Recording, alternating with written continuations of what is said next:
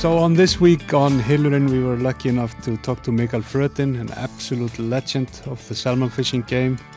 Uh, we reached him in, in cold Sweden at the moment. The day before, we were actually heading out to our personal first fishing trip. So yeah, that was a li- we chatted a little bit about that before we started recording. But man, the experience this guy has in catching a lot of fish and big fish, and and we had a very in-depth conversation about fly design, drifts, and and of course the threat, which is the salmon farming here in Iceland and as in Norway and, and other places. So stay tuned and listen to Michael Frödin tell his story. It's, it was very interesting and we were very lucky to have him on. Enjoy. Á morgun förum við í eldvatnið, vortúrin okkar Þetta er að bresta á. og hérna þá er það náttúrulega sjálfsög stoppið á leiðin út af bænum, það er Eirberg, Er berg, Túfte, við verðum hlýir hérna, hlýir og góðir í eldvatninu. Já, tökum náttúrulega nálamótuna með svo, hérna, svo félagur okkar verið ekki að hrjóta á nótinni. Ég segi það, það verður æðislegt, það verður kyrð þarna yfir nóttina. Já, og hérna, og ég verður líka að segja að það er allt annað loft hérna í stúdíun eftir að við fengum viftuna. Já, Góð. guð minn góður. Hún er bara í gangi á einni stillingu allan tíman. Já, þó séum að rekka og svona, við þurfum að taka ískápin úr sambandi og svona því að það er suð, það, hún bara malar viftan. Viftan Savior. Já, en svo er það náttúrulega stráknir í veðifélaginu. Ég var, ég kom við þar aðan, sóttu með tauma, kortland tauma, flúró Ég er, Tipparingi. ég er einmitt að fara niður núna að gera nákvæmlega það sama. og hérna, og sílskinsokkana. Það er, það er bara eitthvað sem er orðið staðalbúnaður í veðdóttunni hjá manni. Já, en Mikael Fröðin, njótið. So, uh, Mikael Frödin, thank you for, for talking to us here on, on Hillurin podcast. Um, yeah. A lot of our listeners will, will have heard of you. They they use your fly tying materials or your flies or have read read your books or many articles on on all the big magazines. You have fished over 6,000 days in the big big rivers over the last 40, 35 years. And so it's interesting to get your perspective. 45, I'm getting old. ah, you know, but but you you stay young by by being on the river more than hundred days a year for all that time. yeah, yeah. It used to be 200. Uh, Now I'm, I'm a bit more picky now. I'm I'm a spoiled guy, you know. I fish good rivers and yeah, and uh, yeah, I'm down to about 100, between 100 and 150 now. yeah. I think uh, you know me and Birkir here, who's who's working the buttons at the moment. We we try to spend you know hundred to hundred and fifty, and I. That seems like quite a lot for us, but most of it is, of course, guiding as well. So Mm. you're fishing yourself 100 to 150 days. That's quite extraordinary. Pe- People say it's enough to fish 150 for people to think you're crazy, right? exactly. But tell me a little bit, Mikael, you know, now when we look at these 6,000 days, uh, 35 years later, where, where, where did fly fishing start for you? Uh, fly fishing started. I, actually, I started tying flies, which is Ah. maybe odd. I started tying before I. Uh, I think I, I, I got one of these small starter, the beginner's kits from my parents when I was 12, I think. And um, then I have Dalälven close to me. It's an hour away, and, and my father had to take me there, and and uh, that's where it all started.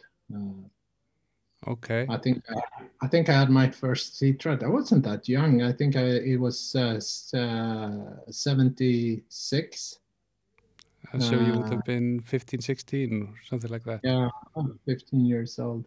Yeah. And was it? I was, I was into sports too. I was a pretty good sailor. Um, people don't know, but I have a few years in the in the Swedish sailing team too. So at that at the time, there uh, sailing took a lot of my life. Okay, that's uh, interesting.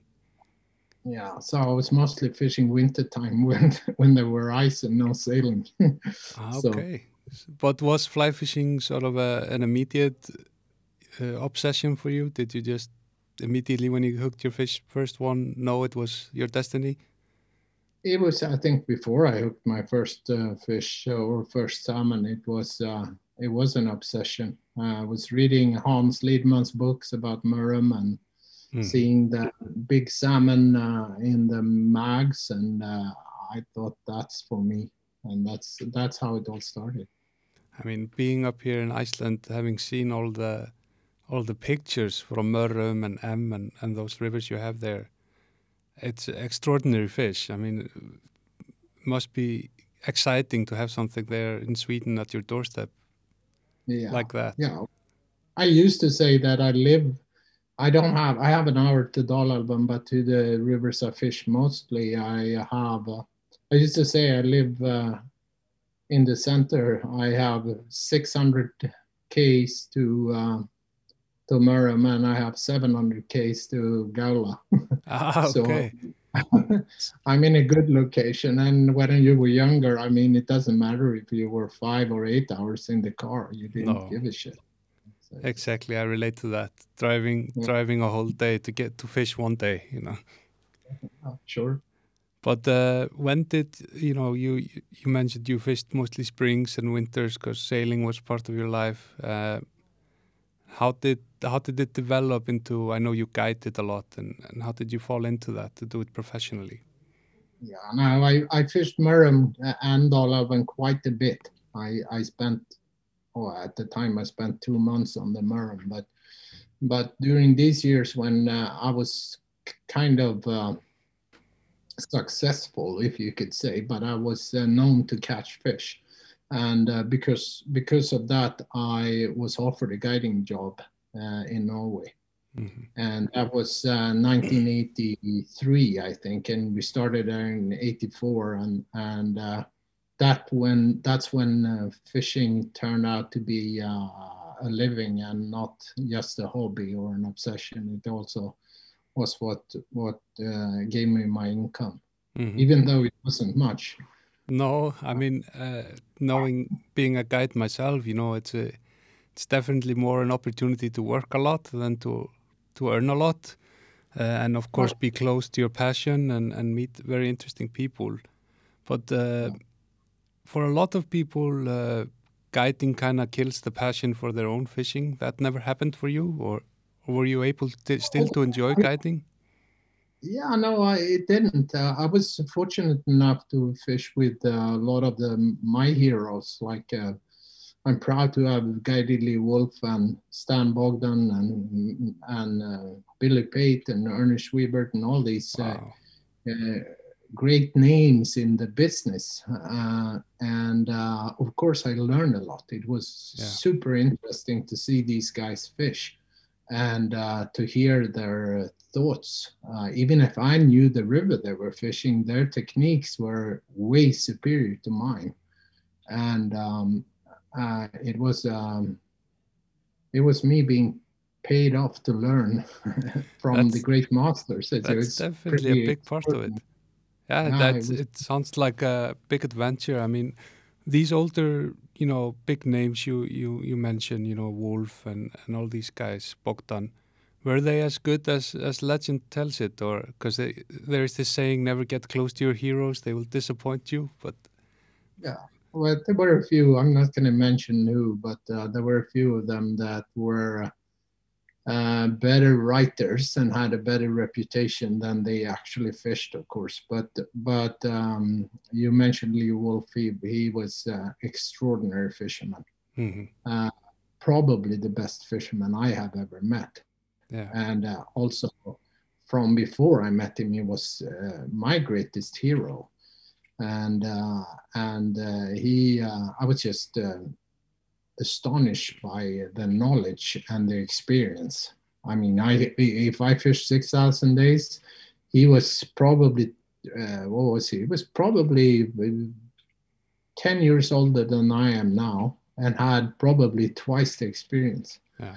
Um, he was just uh, a remarkable man, and and uh, I I would say there will never be another Lee Wulff. Uh, I mean, he was just something special. Seeing some of these old videos of him uh, catching huge salmon on on you know zero weight rod, you know, in black and white, while nobody was doing that, and Mm. casting the line with no rod, and and of course his wife also Joan, uh, very big inspiration to in fly fishing. So that I must, lose you with him.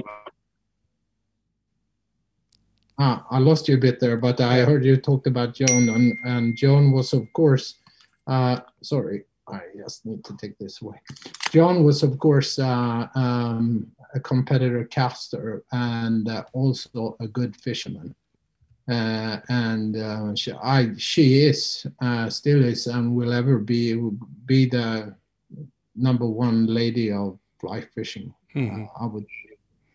I can tell you a funny story on Lee Wulff. We, I've written this story so many times. Perhaps people are tired to hear it, but we fished and he caught a. To make a long story short, he caught a what was it, a ten pounder on a dry fly, and um, after that, and this was probably what I would say the first dry fly salmon out of Norway that was caught on trying to catch an Atlantic salmon on a dry fly. Of course, there there have been grading fishermen that caught fish on their on their grading flies, but uh, and uh, he smashed the fly in the back cast and uh, he was going to throw it away. And I said, "Can I have that?" And I got the fly. And then when we were back at the hotel, for once I was pretty smart because I walked over to the to the counter desk and I got a, a little piece of paper and I had uh, Lee write a few words. And now that fly is on my on a little note saying to Michael, my finest filly on the Norwegian trip, Lee Wulff.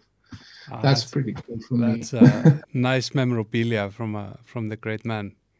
Yeah, I have quite a big uh, so collection of salmon flies, and that's my number one. So- Yeah, I believe it.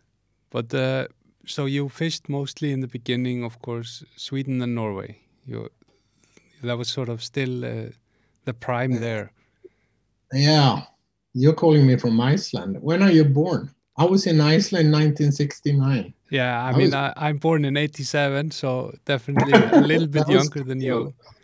No, no, but I started fishing Sweden and Norway, and uh, I was uh, uh, fishing. Uh, uh, I was quite early to go to Scotland too. hmm uh, uh, being uh, into to fly tying into the classics and and all this, it it all originates from Scotland, and the whole uh, sport originates from Scotland.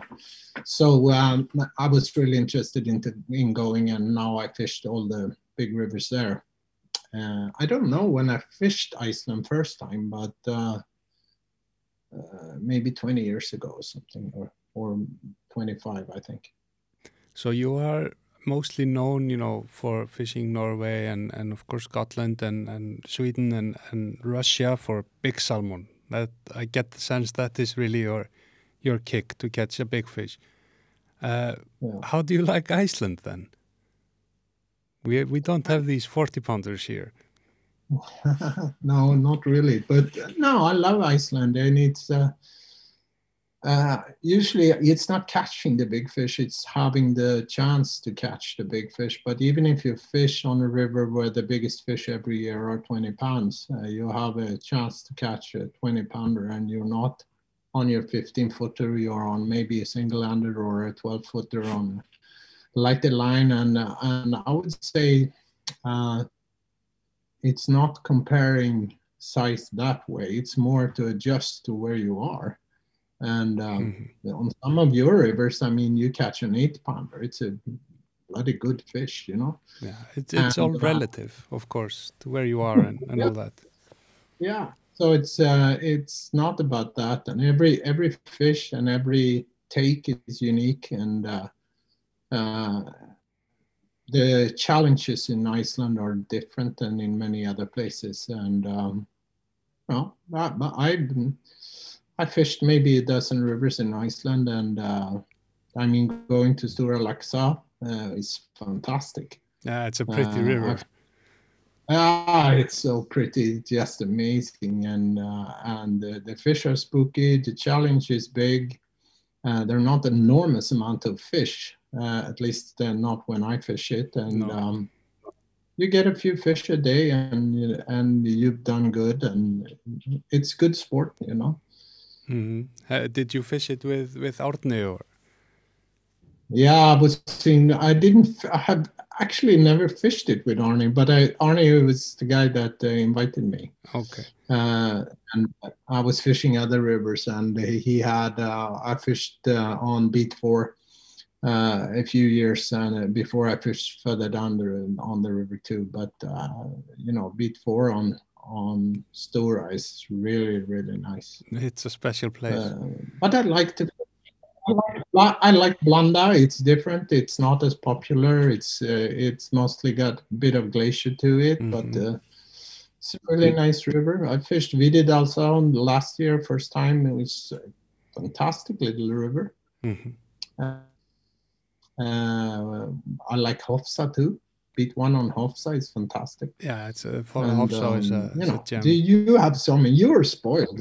you have that so many very true. rivers. I uh, I did travel to Argentina earlier this winter to to try my luck for some sea trout, which was very awesome experience. But it also put into perspective how, how lucky we really are in, in Iceland because you think the grass is always greener on the other side, but we, we have a good selection here of, of salmon rivers and of course trout opportunities as well. Mm. But yeah, but it's a, it is um, I'm fortunate enough. I'd like to fish the classic rivers, and and um, I still haven't. There are a few I haven't fished, but uh, I haven't fished Thurso in Scotland, and uh, there are a couple of other rivers I'd like to fish in Scotland. I've, I've uh, I haven't fished the Moisie in Canada. I fished the other Grand and Petite and Bonaventure and Restigouche and all this. but um, I like to fish Matapedia early season. I haven't done that there's even if you fish a lot, there are many places you like to go. Yeah, it's an endless journey. This fly fishing adventure. It is, even though there are fewer and fewer fish. Uh, uh, there are and there are many rivers that is, uh, you know, you you want to fish it to have done it.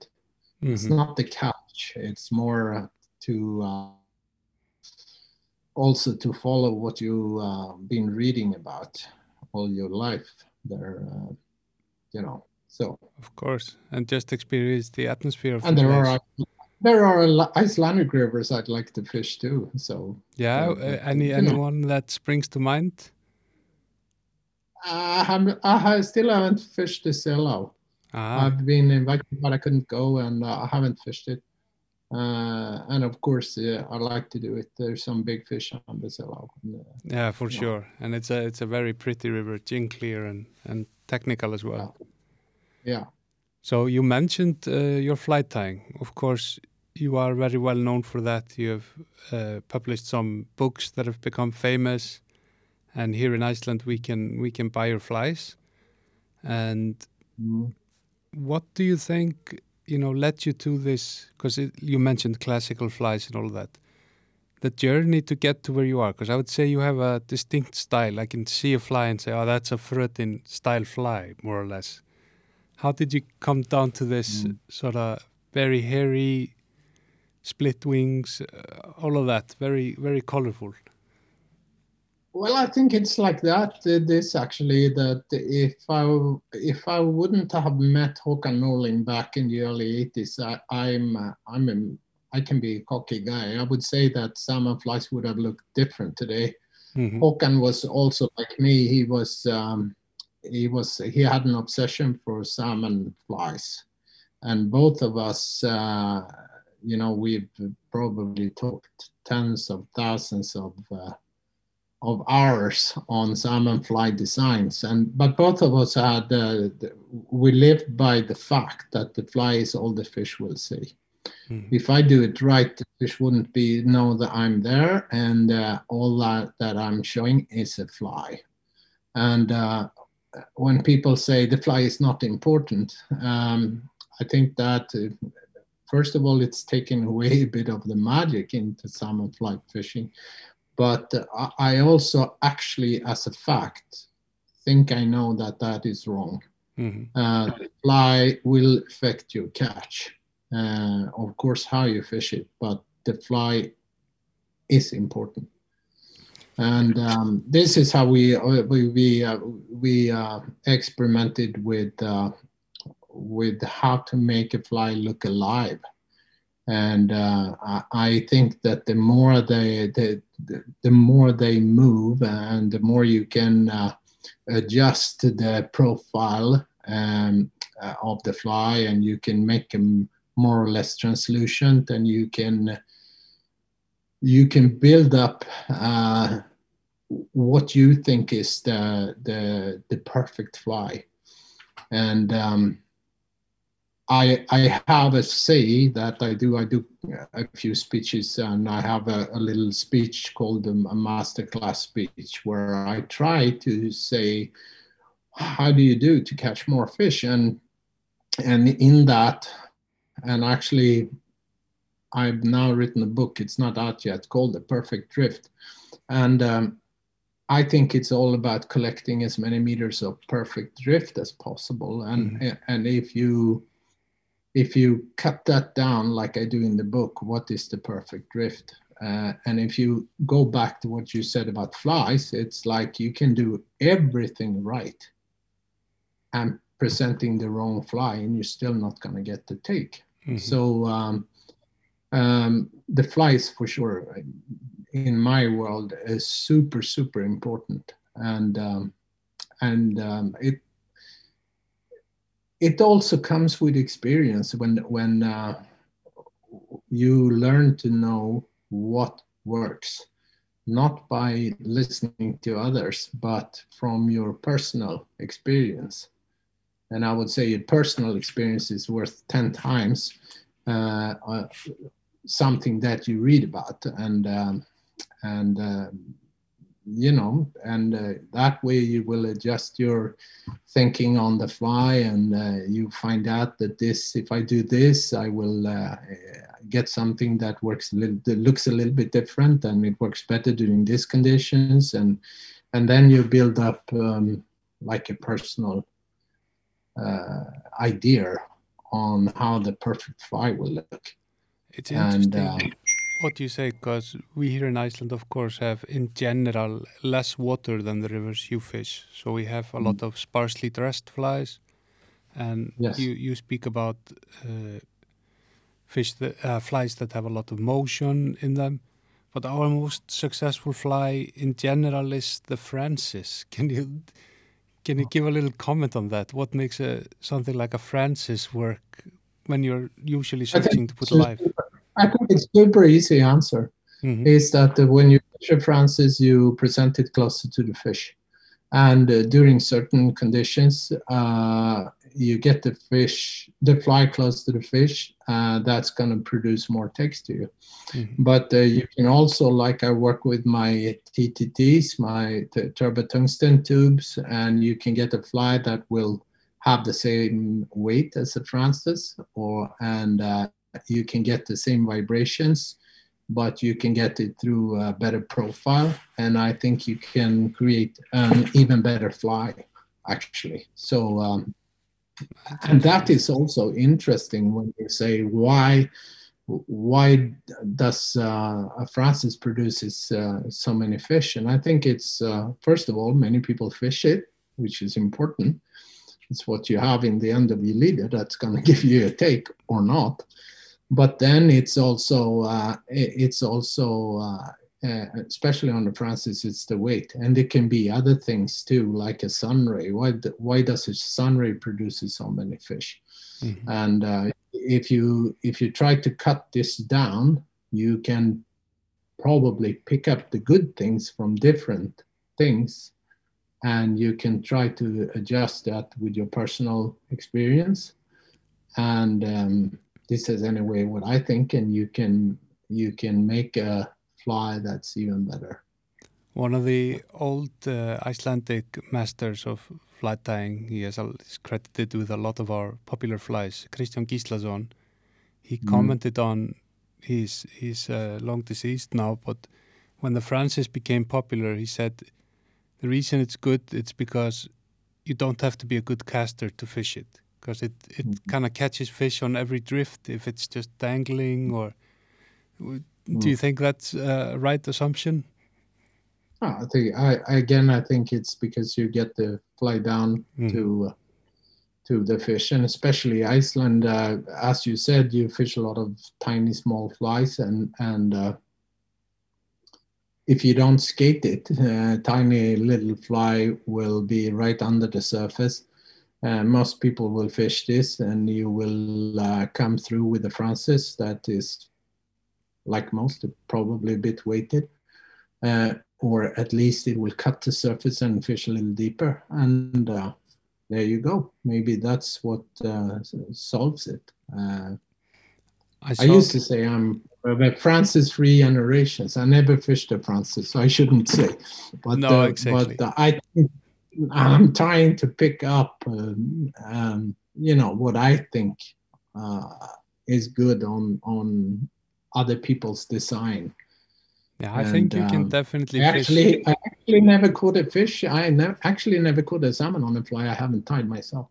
Wow. But um, but um, that's how it is. It's yeah. because I never fish them. yeah, that's and and that being said, you also if you only fish a Francis, all the fish you catch are on a Francis. So that's obvious.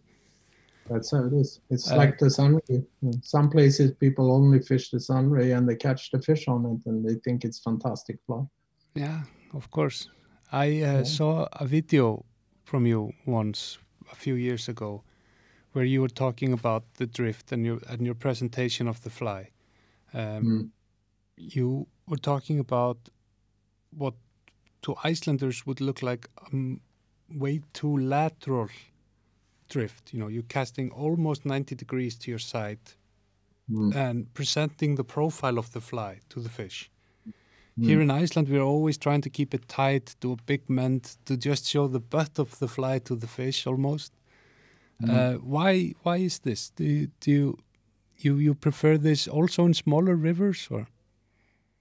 I prefer it all the time, and uh, and uh, if you if you think back, maybe the key here is if you think back to what I said about the perfect drift, it's about uh, it's not much hocus pocus in salmon fishing, even if we like to believe it. Okay, I think it's uh, it's quite simple. Mm-hmm. Uh, the more meters perfect drift you can create, the more fish you're gonna catch. Okay, and to my knowledge, the first third part of the drift is the most important one. Mm-hmm. The fish will they will see a lot longer.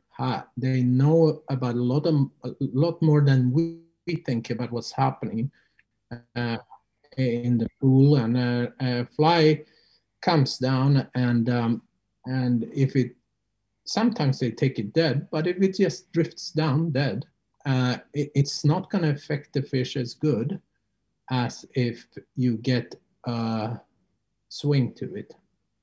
And if you think, uh, um, even if you're a good caster, and doing my classes, I try to say that one of the most important things is the straight line. Uh, you're fishing uh, like on a clear river in Iceland, you fish um, a long leader and a thin leader, and it's really hard to make that fly pop down and start fishing. It will pop down and you have one meter or two meter, or if you are like most fishermen, you, if the river is bigger, you try to cast longer than you actually can handle. You will have a lot more uh, slack line. Yeah, for sure. And you will probably lose the first third of your drift, which I think is the most important part of the drift. That's where the fish will pick up the interest. Okay, so if I if I cast up my fly with a bit of slack and I mend upstream, I will create even more slack. Mm-hmm. And I will lose even more, a bigger part of my drift.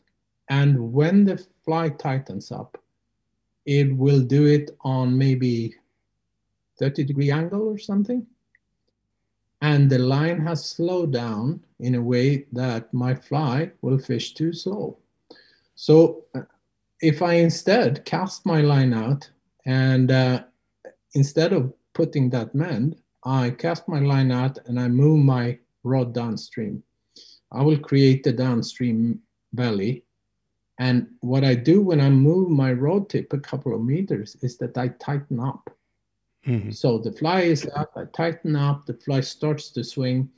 And also to my knowledge, I think we most of the time fish too slow. Yeah. And what I do is I create a belly that will pull my fly around. And that will, I think is one of the most important things actually to be uh, uh, to be effective. Uh, That's very interesting. fish are uh, op- opportunists. They, they, yeah, they are opportunists. I get if you get them a fly, and they can look at it for a long time, and they can think, hmm, do I want it or don't I want it? I mean, then you will put the fish with a choice. If you fish it fast over them, either grab it or it's gone. I think that will uh, have a, a better effect on on a bigger percentage of the fish. Would you recommend this also in smaller rivers? I mean, we have some very small rivers, only you know, f- five to Mm. ten meters wide. They don't have a lot of space to follow a fly or to chase it. Would you even fish it on this fast skate there? Sure. Most of most of the time, it's uh, uh, it's like you say, um, the fish are close to the bank or they're further out or so. But but that's that's our thinking. hmm Fish doesn't know. I mean, they're in the good lie where they get the good little streamy cushion to balance on. And uh, if you're on, I mean, Iceland, Iceland is special. I'm no way an uh, um, a specialist on Iceland, uh, but um, and, and Iceland is most of your rivers are so shallow, so so peop the fish wouldn't lie in places like that if they had a choice. When they don't have a choice, um, uh, they take the best. Lies and. Uh, uh, salmon are not spooky in the way that they will swim away, uh, meaning that you have to fish for them even more careful because in my world, a spooked fish doesn't take your fly. No. So you have to be careful like hell. A trout will go away and you know you spooked it. hmm A salmon will probably be lying a bit uh, from the bottom, balancing on that little cushion of, of current. And if it's spooked, it will just drop down a bit. And maybe you won't see it, but your chances are gone. Um, and uh, but I I th- I I think that uh, it's the same. I think the fish will react the same uh, uh, on the same conditions wherever they are in the world. It's all Um, just a salmon. It's just, yeah, it's a salmon, right? and it's like tradition is different. hmm Uh, you go with your dry flies to Russia, and um, I, I caught some fantastic fish on dries there, big fish, and um, you skate them. And uh, I came to the to Canada to Bonaventure first time, and uh, the first time, the first thing the guy told me, whatever you don't, don't skate. It was Yeah. all free drift, and and the tradition is different uh, meaning, and your Icelandic tradition is different. And you take your Icelandic micro hitch flies um, and you fish them on clear, shallow rivers in other parts of the world, they're going to be just as effective. hmm Um, so And we do I don't our, know if I do our fast that. short That's- I just stripping. drifted away. No, it's but- interesting. I- But, uh, a fast fly is more effective than a slow fly. I'm absolutely convinced. I can't wait to to read your your book about the perfect drift. That's uh, something I will I will definitely be looking for. Yeah. Um, tell me a little bit. Uh, something that interests me a lot uh, is, is are these Baltic sea trouts that you catch in in Sweden. Um, Mm. Do you swing for them similar to salmon, or we we I've heard you know they they lay dormant for days and it doesn't matter what fly and it's all about moments. What are your thoughts on on these huge sea trout?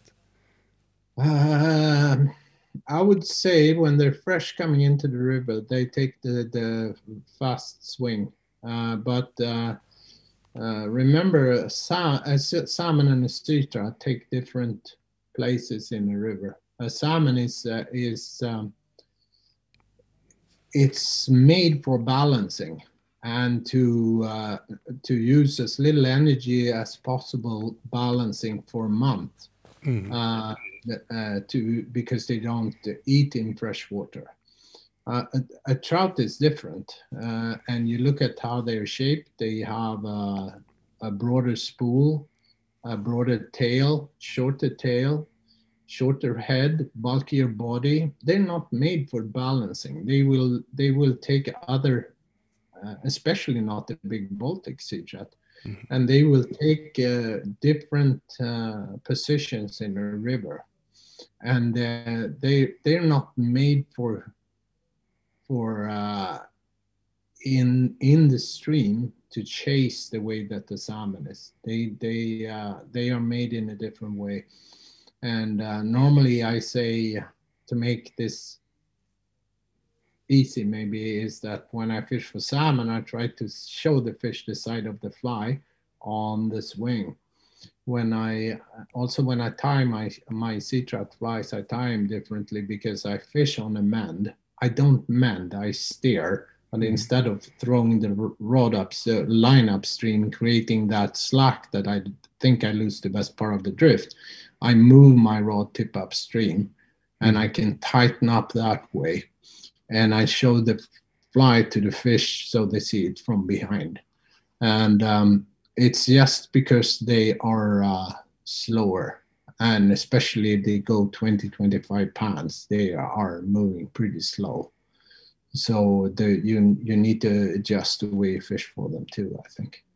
That's interesting to hear because uh, sea trout fishing here in Iceland has, up until very recently, I feel, been, been very random. Just throw some streamer, preferably on a short sink tip, and Mm. hope for the best.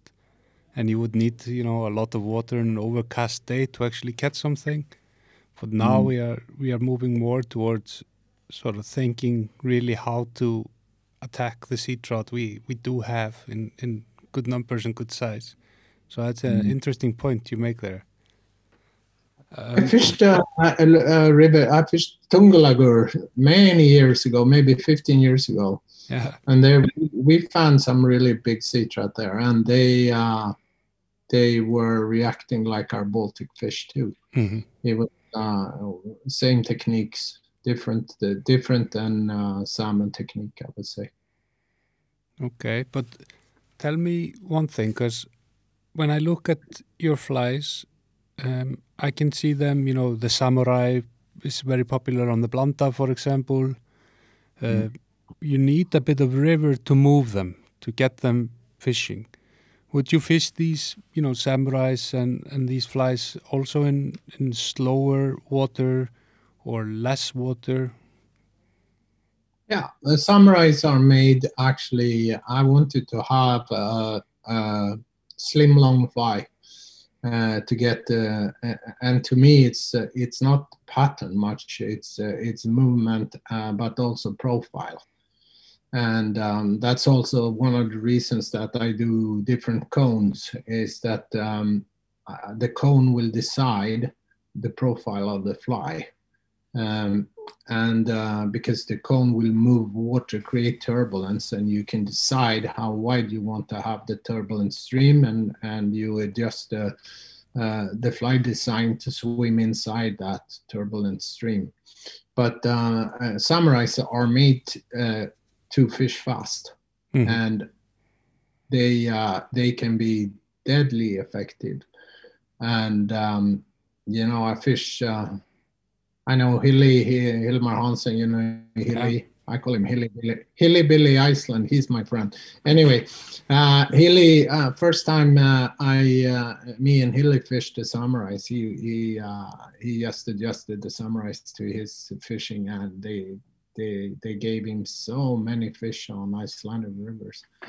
So um, you know, Yeah, it's uh, it's uh, it's again what I said that you are you have a, a, a- an idea on how you want the fly to to behave and uh, then you adjust the tying. And here when i wanted to have a drop shape but i wanted it to be not as translucent as most my other flies because i wanted it to be fished on a downstream belly fast Mm-hmm. And I, I, catch a lot of fish on on uh, samurais, actually casting them 90 degrees, moving my tip down, and then I pull long pulls and fish it super fast overfish. And you can get fish that will reject anything almost.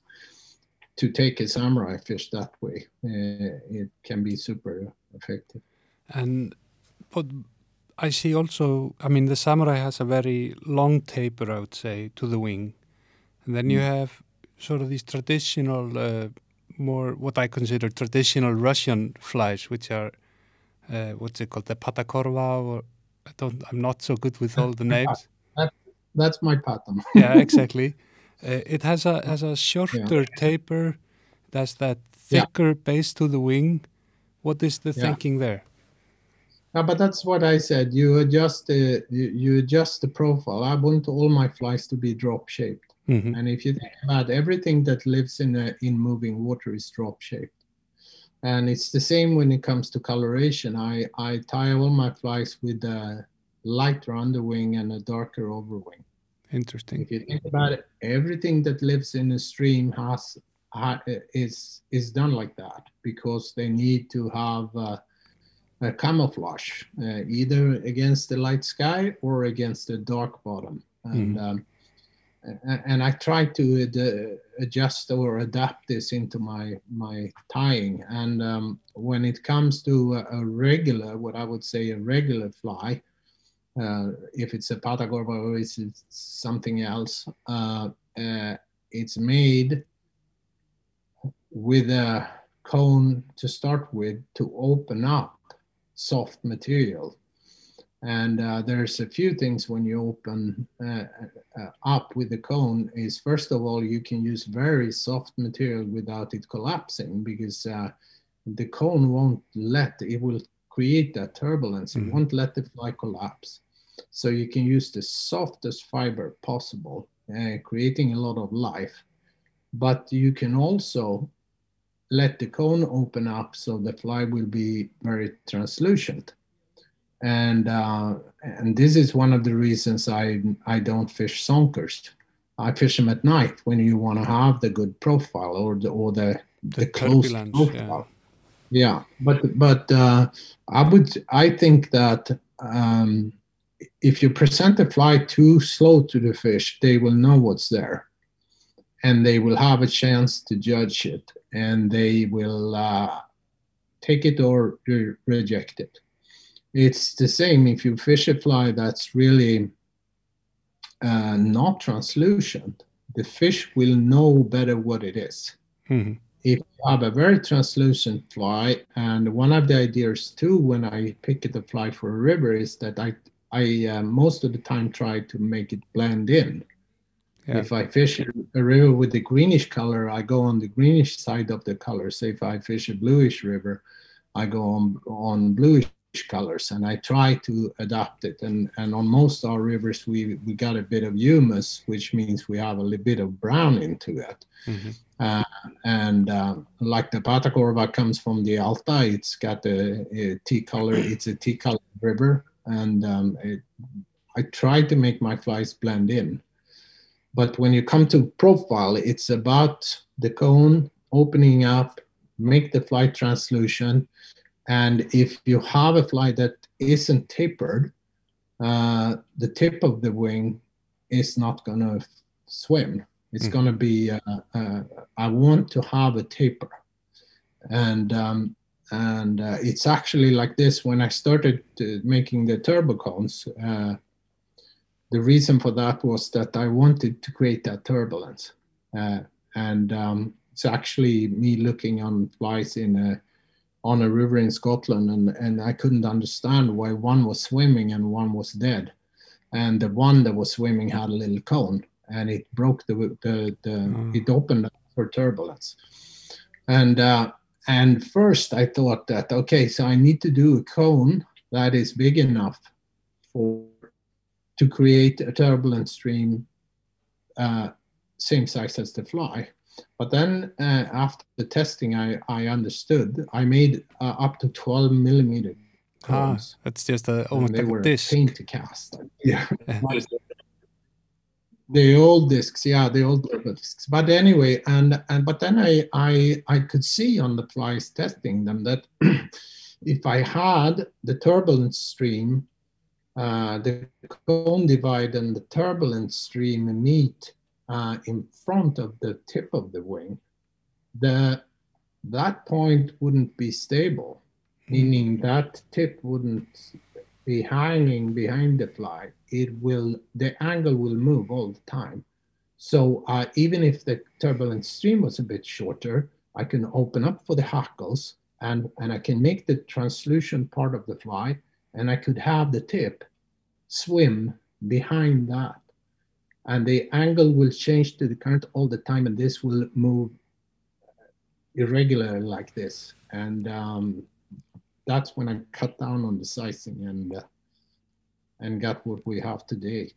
These are very interesting points, uh, Mikael. I think it's very hard for someone who's a who's a fly fisherman, you know, you or salmon fisherman. You get to a certain point, and then you really have to start paying close attention to all these details to get beyond that, because it's it, in essence, like you said, it's a simple game and you master it, and then if you want to get beyond that, it's all about these crazy details.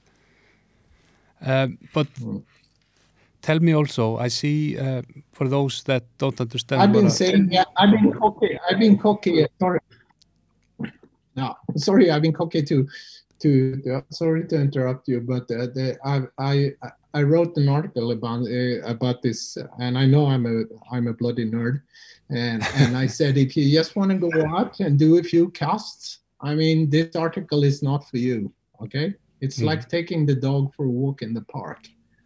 But if you actually think, if it's okay to catch fish or not, and you enjoy life, um, then you don't have to think about this. But I would say, for me, I'm a competitor guy, not competing to others, but I would like to see if I can do this a bit better if I can increase my chances, if mm-hmm. I can tie a fly that actually catches more fish than the other ones, not just by by uh, some uh, hocus pocus thing, but actually create something that is more effective. And if you take all these uh, small things with moving your rod tip a little here, opening up the profile, and if you if you start adding those things, that are small things into your salmon fishing. And as I said, to create as many meters of perfect drift as possible. And um, uh, in my speech also, I use uh, a day on the Dee when uh, I had a guy. This is going to be a long pod, but I had a guy coming on the other side in the fish opposite me, and and uh, and uh, he uh, came down to each side of the of the river at the same time. And I said, "You fish it," or I just waved him down, and he started the tank and lifted his hat and fished down. And uh, were uh, there were fish showing. It was a really were fish coming in, and it was a I was really eager to want to go in. And when he fished around the corner in the pool, and you know you don't fish two people in the pool at the same time there. The, his pal came down from upstream and he started fishing and he couldn't see his friend. And when his friend came up and he couldn't see me, I was in with a beer in the grass. And uh, they started arguing, and uh, because he went in front of me, and I said, "You fished it," and the, these fish kept on showing, and these guys beat the shit out of the pool, and didn't touch anything. And I went in, and in 20 minutes' time, I caught two good springers. Okay. And then this guy, he um, wrote an open letter to Trout and Salmon, and, and the, which uh, he said, now it's raised to embarrassing proportions. What's happening? What is he doing? And then uh, Sandy, who was the editor, he asked me to write an article. And for me, it was an, a, a typical good example because these guys had a bit of wind against them, yes, a little bit, and they were casting a little bit longer than they actually could handle, meaning that they lost the first part of the drift. Mm-hmm. So the first fly that actually fished over those fish was my fly. hmm It was uh, it was pretty obvious that uh, if you just try to adjust and pull a few of these small things, uh, to me it was uh, it was uh, really it showed that the straight line and the and the drift and uh, not the dead fly can be the thing. Not not any hocus pocus or or things. It's just trying to uh, think about what's happening with your fly in the water. That's all the fish will see. They won't see your the line and uh, what the current do with the line. They will see only the fly. Do you that's uh, pay, do you pay a lot of attention to also your leader as a factor in, in straightening out your flies and stuff like that? Sure, leader is important. It's uh, it's what connects your fly to. It's part of your tool to control your fly, Mhm. of course. Yeah, we have a, I wouldn't say a debate, but there is definitely, you know, we used to just have so much fish here in Iceland not that long ago that Mm. people didn't have to think about these details. And it's changing a little bit. So uh, a lot of people that have been fishing for a long time don't even use tapered leaders or, or stuff like that to assist them. But in a little bit of a headwind, like you mentioned, that will create so that you lose that first third of the drift. That's so important. And most people lose it anyway because they're not really into the importance of the straight line. Mhm.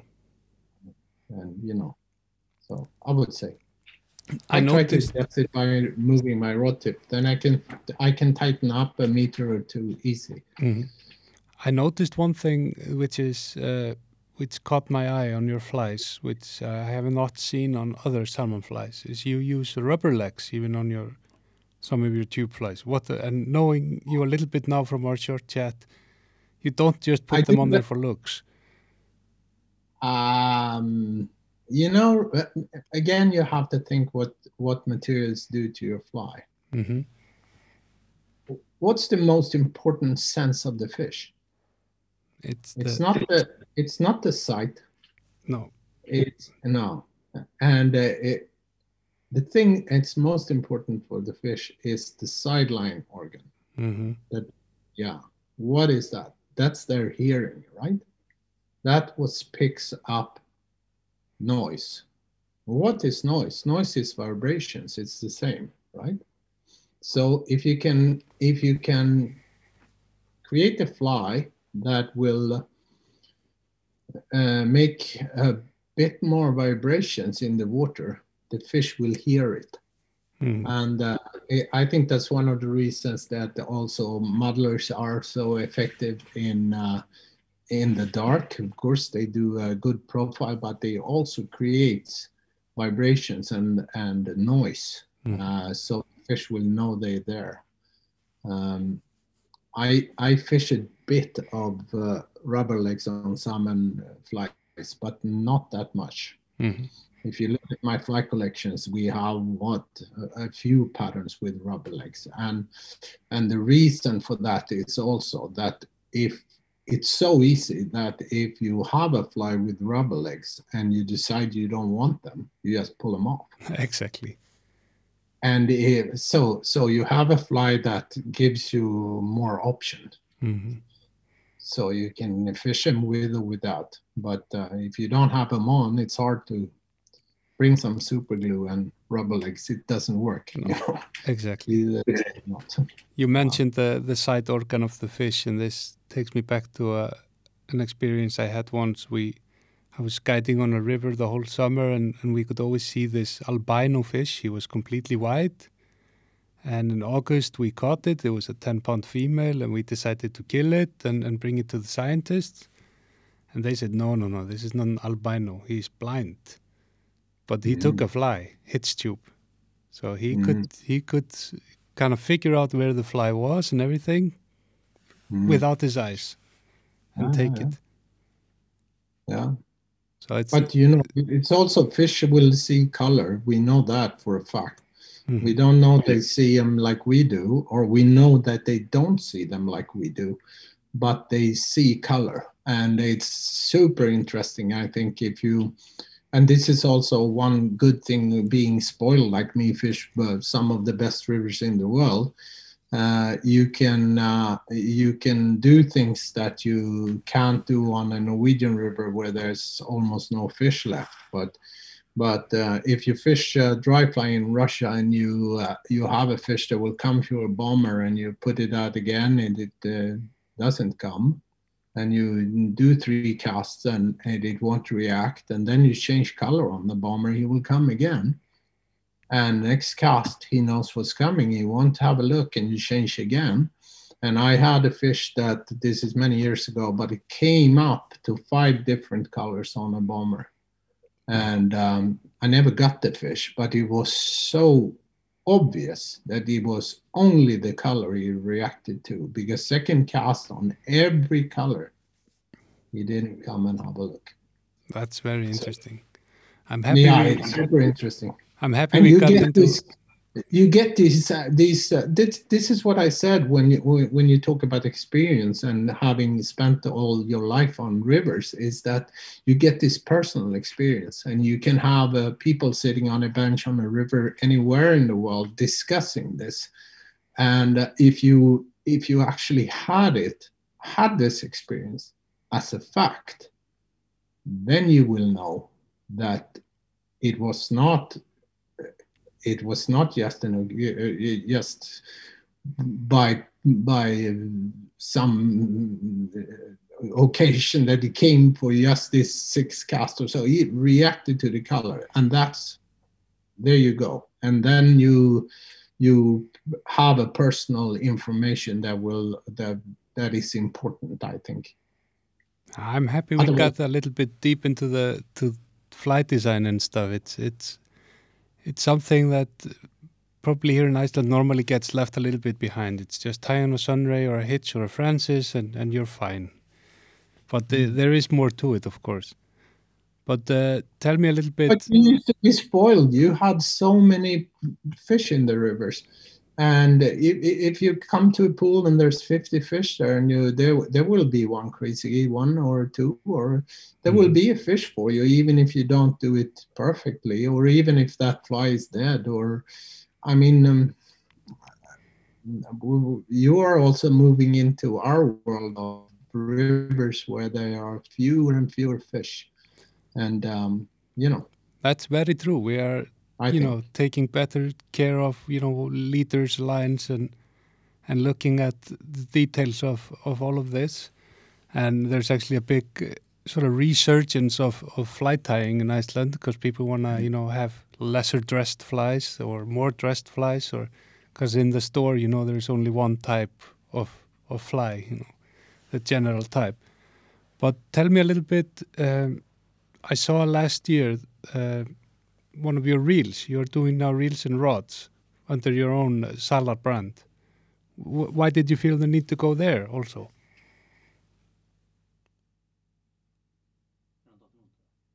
Oh.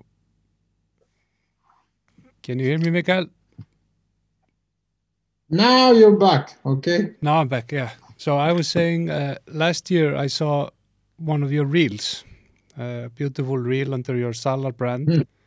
Uh, how come you mm. decided to dive into that sort of deep competitive pool of of giants and, and smaller smaller minnows also? Yeah, uh, why did we do that? Well, um, I have a I, I, I always like classic reels. Okay, I, I love the bomb halves and I fished my bomb halves uh, almost all my life but I got sick and tired of uh, of the leather clutches that needed to be uh, put oil on, and uh, you have to have them in oil for hours, and uh, and then they work some time, and and then actually I thought that the uh, modern reels, most of them are bloody ugly compared to the classic designs, and uh, and I had one of the world's best reel makers saying, "You want me to do a reel? I'll do a reel." So it uh, th- that was uh, that was the reason actually, and it was really fun. And and I can tell you, we I I wasn't sure on how to do this, and we uh, did a series of of uh, reels and just put them on a limited edition, hundred reels. Mhm. And I thought, ah, okay, we had three sizing, and I thought we'll st- it would take us a couple of years, but we we uh, we could afford it. And then in three months' time, the reels were sold out. So they Yeah, became re- they are very nice. Uh, one of them ended up in, in my colleague's hand here, Birkir, when he was guiding last year, and, and he really liked the sound and, and everything. So, congratulations on a on a nice reel. Thank you. I, I I tried to look on one of your pods before this, and I I went on and I saw Ingo. He was a guest with Yeah. you. Um, I couldn't understand shit. No, of course not. but but Ingo Ingo fishes my reels, and a few other people fishes my reels. Haley fishes my reels, and his son. And uh, there's quite a few of my reels in Iceland actually, which is fun. Yeah, yeah. I mean, they're they're great looking reels, and definitely, I mean, there is a bit of a resurgence in this sort of love for the classic reels, and Mm. just the and we, we we didn't fall in the in the, trap to to do what most real real uh, or or uh, angling companies do. They go to uh, to the far east and uh, and uh, produce something. We uh, our reels are produced in Germany with the best German technology, and uh, you know I think it's uh, I think it's a difference actually. I think it it's better. I would say it also has its own look. I mean, I feel a lot of these classic reels coming out from the big companies are just some spin on a Bogdan reel or some of these classic American reels. But yeah, Mm. it's, it definitely has a unique look to it, a little bit.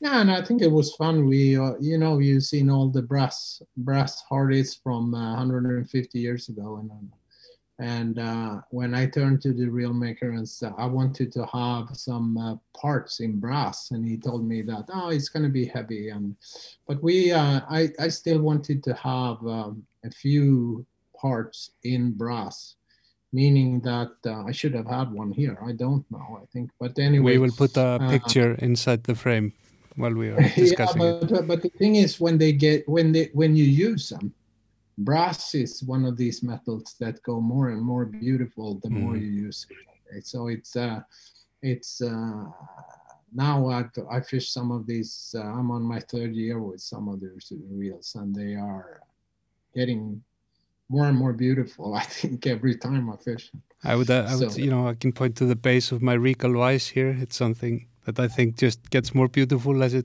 wears down. And you know, we went into rods too. That Mhm. was uh, actually did it the same.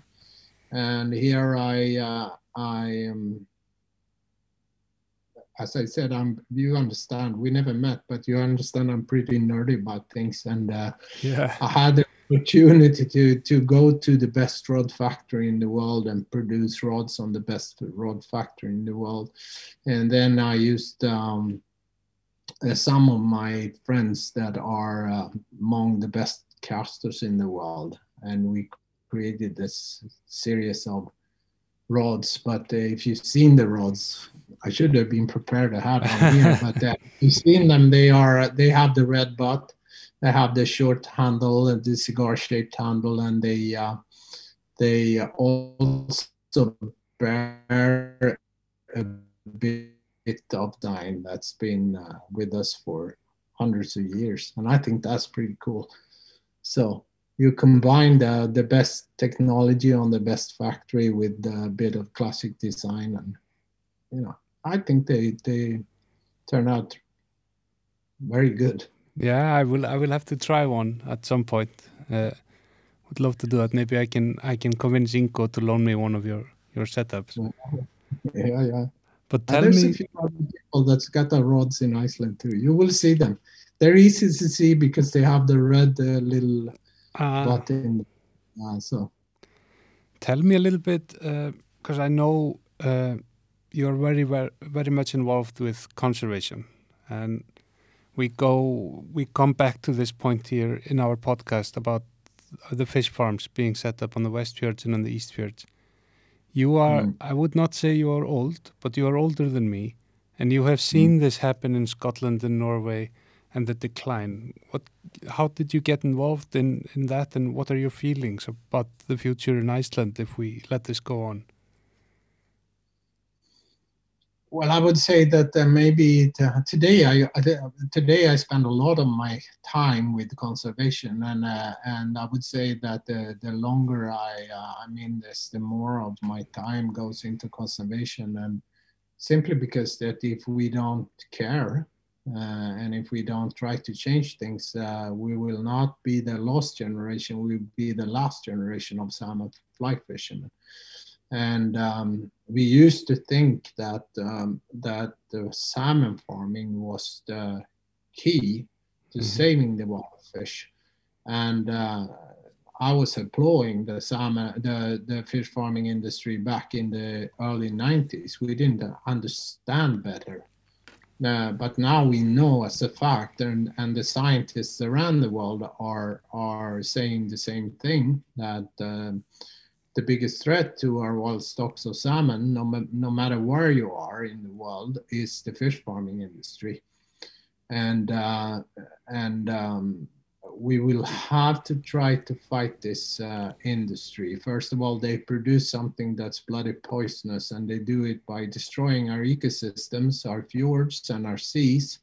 They uh, outfish uh, uh the oceans uh, for food they have uh, used to be four kilos. Now they're down to two and a half or three kilos of wild fish to produce one kilo of of farmed fish, and um, uh, they create a big genetic uh, pollution, and uh, they um, they are a disaster for our wild stocks of salmon. And um, I was actually one of the guys that that, that um, were pushing for getting a genetic uh, status on the Norwegian rivers. Um, and um, there's been millions of fish uh, escaping.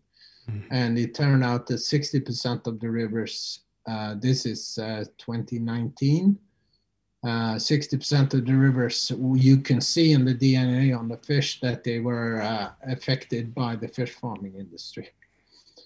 I almost forgot to say that uh, that when they uh, when they, they empty the seas for fish to to to make food for for the fish farming industry, they uh, are now turning into soy. And one of the biggest reasons for cutting it down the forests in South America and Amazonas is the soy industry, and mm-hmm. and one of the biggest buyers are Norwegian fish farming industry. So this is is from one end to the other end. It's a exactly. bad industry, and uh, uh, and if if we can um, if we can try to change the industry because uh, it it can be changed.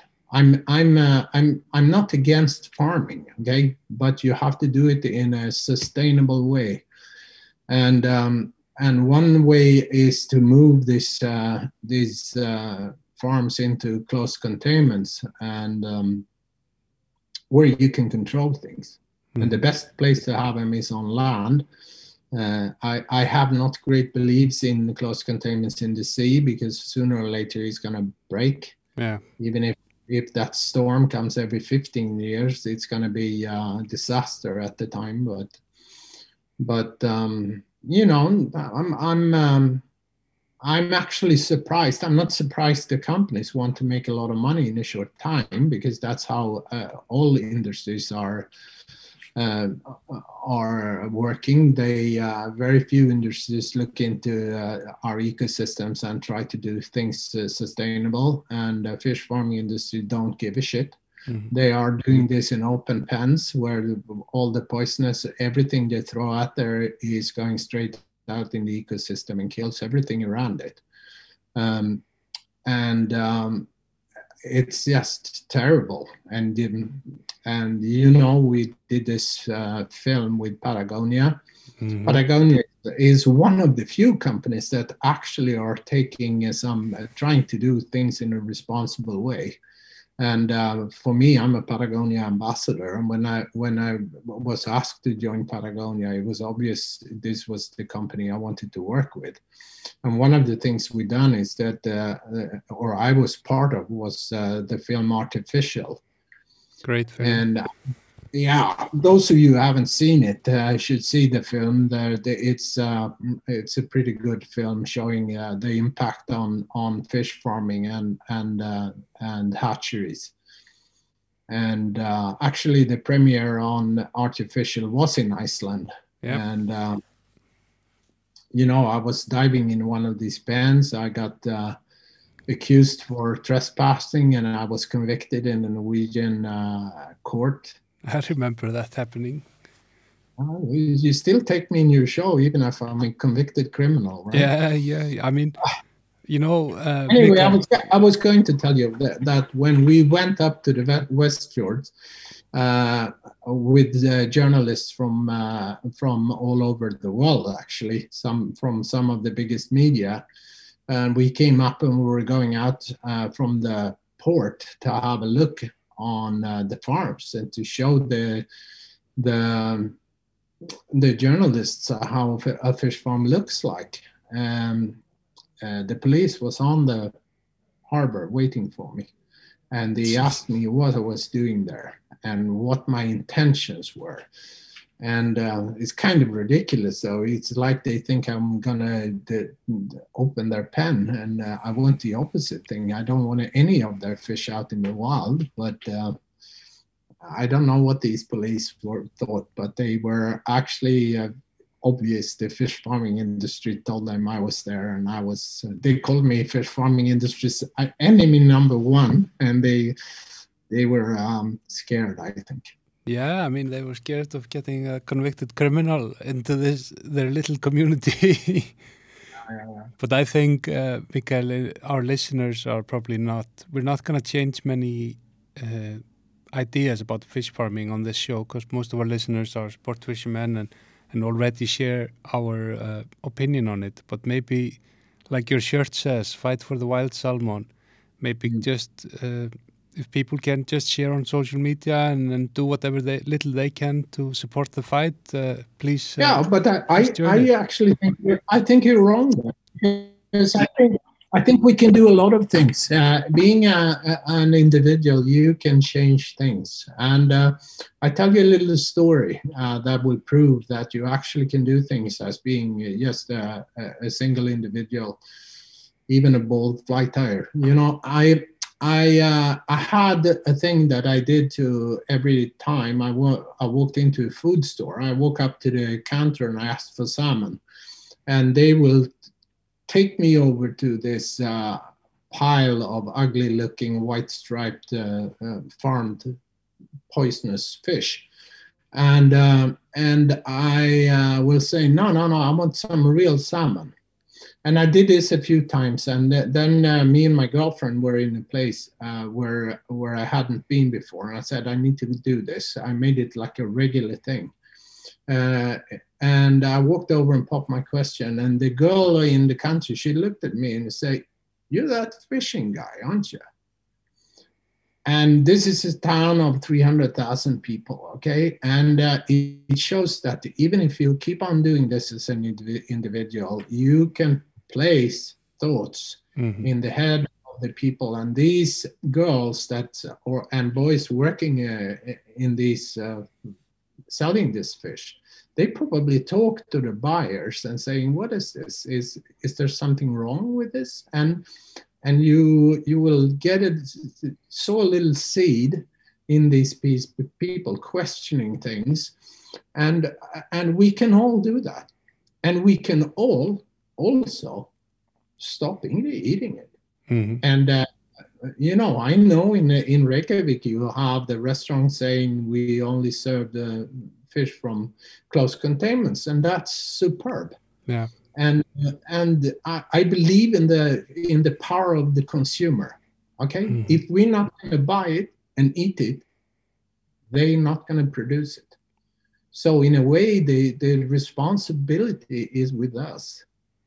But um, still, uh, and it irritates me a bit because salmon fishermen are like this. We all know the biggest threat is uh, is the fish farming industry, and if you if you take a, a 100 salmon fishermen, you ask them when did you have salmon sushi last time? Mm-hmm. Probably 70% of them uh, would say, well, it last couple of weeks, you know. We are but we if, are lucky here that they are there are a lot of uh, so a lot of our chefs at some point in in their process work in the fishing lodges in the summer and they end up as fishermen. So there's yeah. a big movement in the in the Icelandic sort of restaurant business to put these stickers yeah. in and only serve landlocked salmon. So and I'm actually picked that up from from you guys in Iceland. I'm working with some of the best chefs in Stockholm now uh, uh, spreading the same idea here that uh, first of all the, the it's not bad for it's not good for for the environment and we are we're gonna make wild fish go extinct by if we keep on doing this. Uh, but secondly it's not very healthy. It's mm-hmm. it's full of uh, of of poison and I was actually on an interview with, uh, or a debate on the Swedish radio about this, and the program got accused for not being journalistically correct. Oh. Uh, but I won because yeah. it is questionable, and you can question the industry, and uh, and it's it's high time to do this because. Uh, uh, and this is the scary thing about this is that we don't have that much time uh, I would say if, if we let the industry do this another decade or so, there will be no wild salmon in Scandinavia. Wow. Baltic, Baltic salmon, but all the genuine stocks of wild uh, Norwegian and Swedish Atlantic salmon will be extinct. They will all have a DNA that will be changed uh, into uh, the fish farming industry fish. And that's pretty scary. So, what, what, what has taken uh, uh, uh, evolution hundreds and thousands of years, a greedy industry is allowed to change in a few decades. That's it. And this, uh, it, it's scary, I think. I mean, you kind of answered my, my next and, and final question for you, uh, Mikael, which was uh, where you see the future of salmon fishing. Of course, we are in this battle with uh, with uh, fish farms. Um, in Iceland, it's becoming so so real to me how it's changed in the 18 years since I started working in this industry with the runs, mm. and you know where, where will it be in, in 20 years' time? This this whole industry of tourists, guides, uh, and just these wild fish ex existing in, in their natural habitat. So but, you, but you have a you have one uh, big advantage, and that is that you are a small country. Uh, you have a small population, and you are an island in the middle of the Atlantic. If if anyone will succeed, it's you guys to keep the industry out of Iceland. Uh, uh to to change the industry, I tell you a, a quick one. I, there was a little article in one of the biggest financial magazines in Sweden or newspapers in Sweden where there were actually um, a CEO who said they were they are um, investing two billion kroner into producing 20% of the Swedish uh, uh, of what Sweden consumes in in farmed fish, and they do it on land. And she said that the reason for this is all the media that came out of artificial and my trial, mm-hmm. and that also shows that we are going in the right direction, but it's going way too slow. Uh, I, I think that I actually think that uh, Norway is lost. It's too late oh, for them. It's too late. It's not too late for you guys. You have the chance uh, to do this, but but and to keep on doing this. I'm sorry if I talk too much, but what what I don't understand is that how can you be a politician in one of the small villages on the Norwegian coast or in Iceland to, to say, we know we're going to sacrifice the wild fish the wild ecosystems because they can't say today that they don't know. They know it's going one way. Mhm. Okay, they know this is they go it's going this way.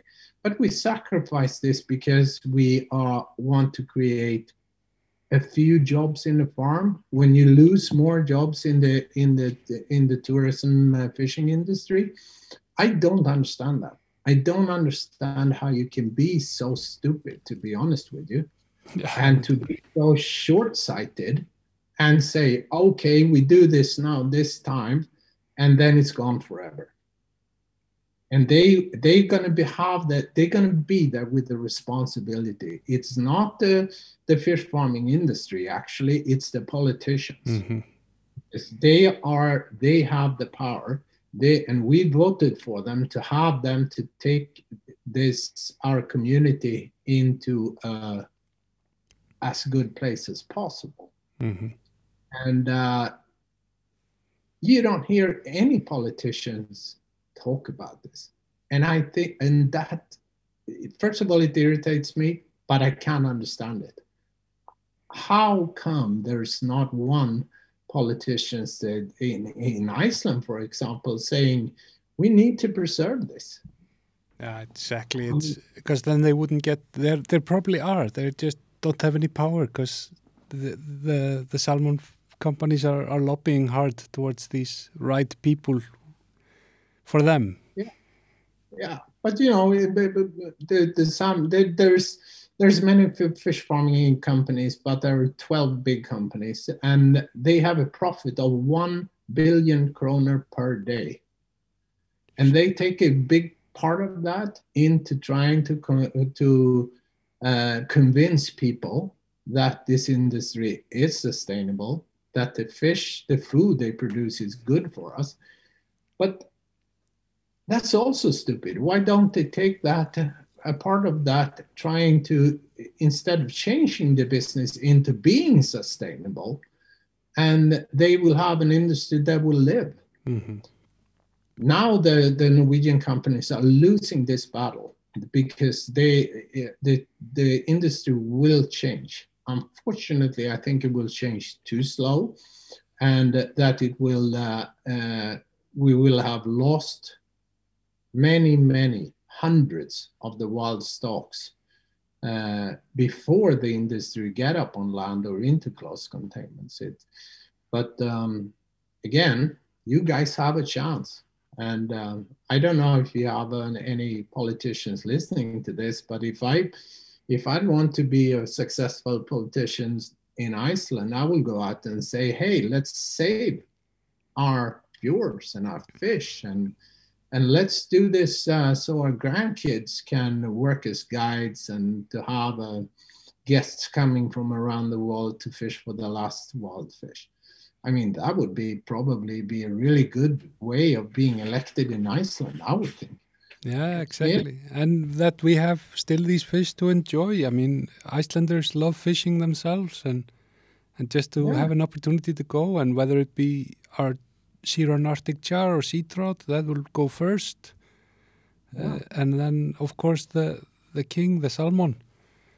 Well, but the problem is that man, we are we are the missing piece here because we think that we the ecosystem is ours to play with.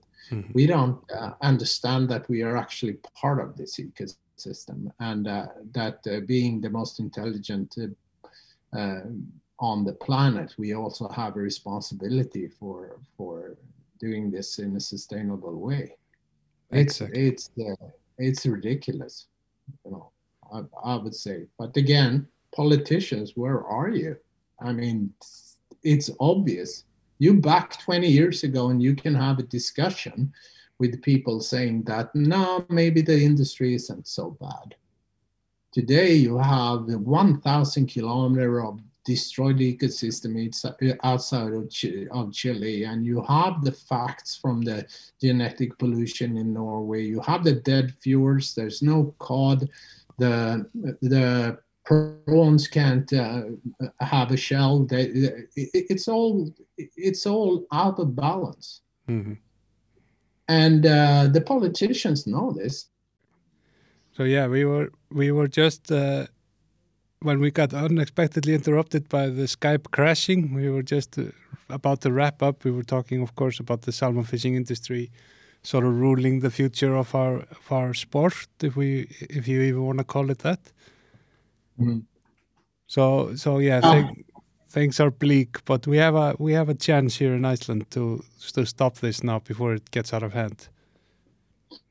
Yeah, I think you. I think you do. The the fish farming industry is. Uh, they want to uh, do what they in your in your country what they've done uh, everywhere else. They want to produce five times as much, meaning they create five times as uh, big impact on the wild and and um, uh, you know that's going to change Iceland in. Uh, in a decade or so, you will be probably soon in the same critical situation as Norway and uh, and uh, also Ireland and Scotland, where uh, uh, you go to the Scottish uh, uh, west coast and there are practically no sea trout, not one individual left, and and very few salmon, and um, but but again, you are a small community on a on a, on a small island, and and you have a big percentage of the people living outside the city,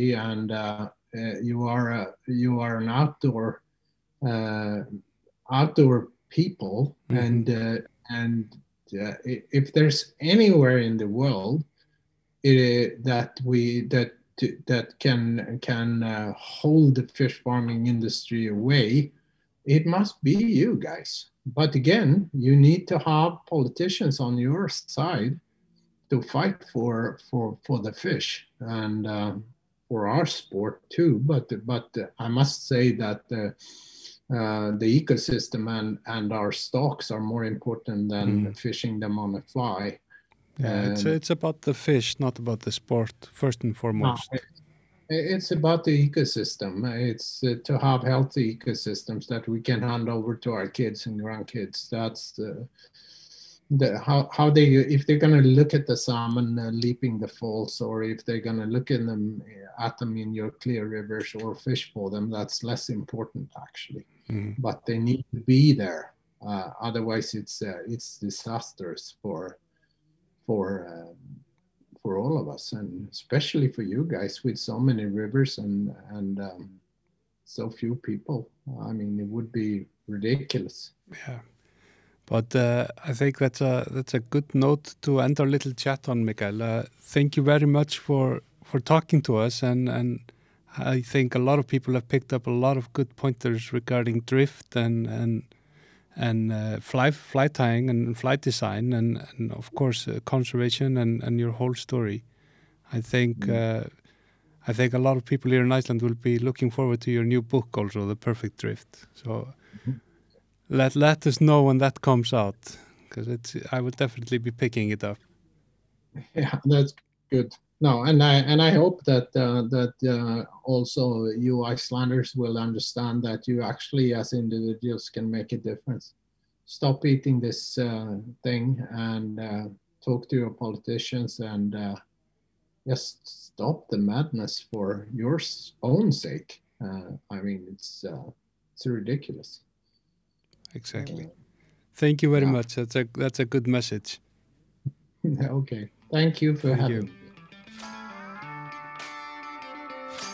Við minnum þá sem að vilja standa með okkur í þessari vektur að gera það á Patreon aðgang hilsins á patreon.com skáttur heilurinn en þeir sem að hafa kipt sér velgjörðanans áskrift þar eru Doddi í veiðfélaginu Ásker Þór Kristinsson Heiðar Bergmann Jón Þór Júliusson Hilmar Þór Sigjónsson Ólafur Fimboðarsson Bjarki Bóasson Brynjar Ágúst Snædal Agnarsson Karl Björnsson Haraldur Orri Björnsson Ármann Kristjánsson, stórbóndi á Jarlstöðum í Aðaldal Tóbías Sveinbjörnsson, Jóhann Freyr, Jón Magnús Guðmundsson Bleikja, Marvin Þrastarsson, Jón Þór Tryggvason, Jón Þorsteinsson, Óskar Örn Óskarsson, Hrafná Haugsson og Stefán Sölu Pétursson. Takk ykkur kella fyrir.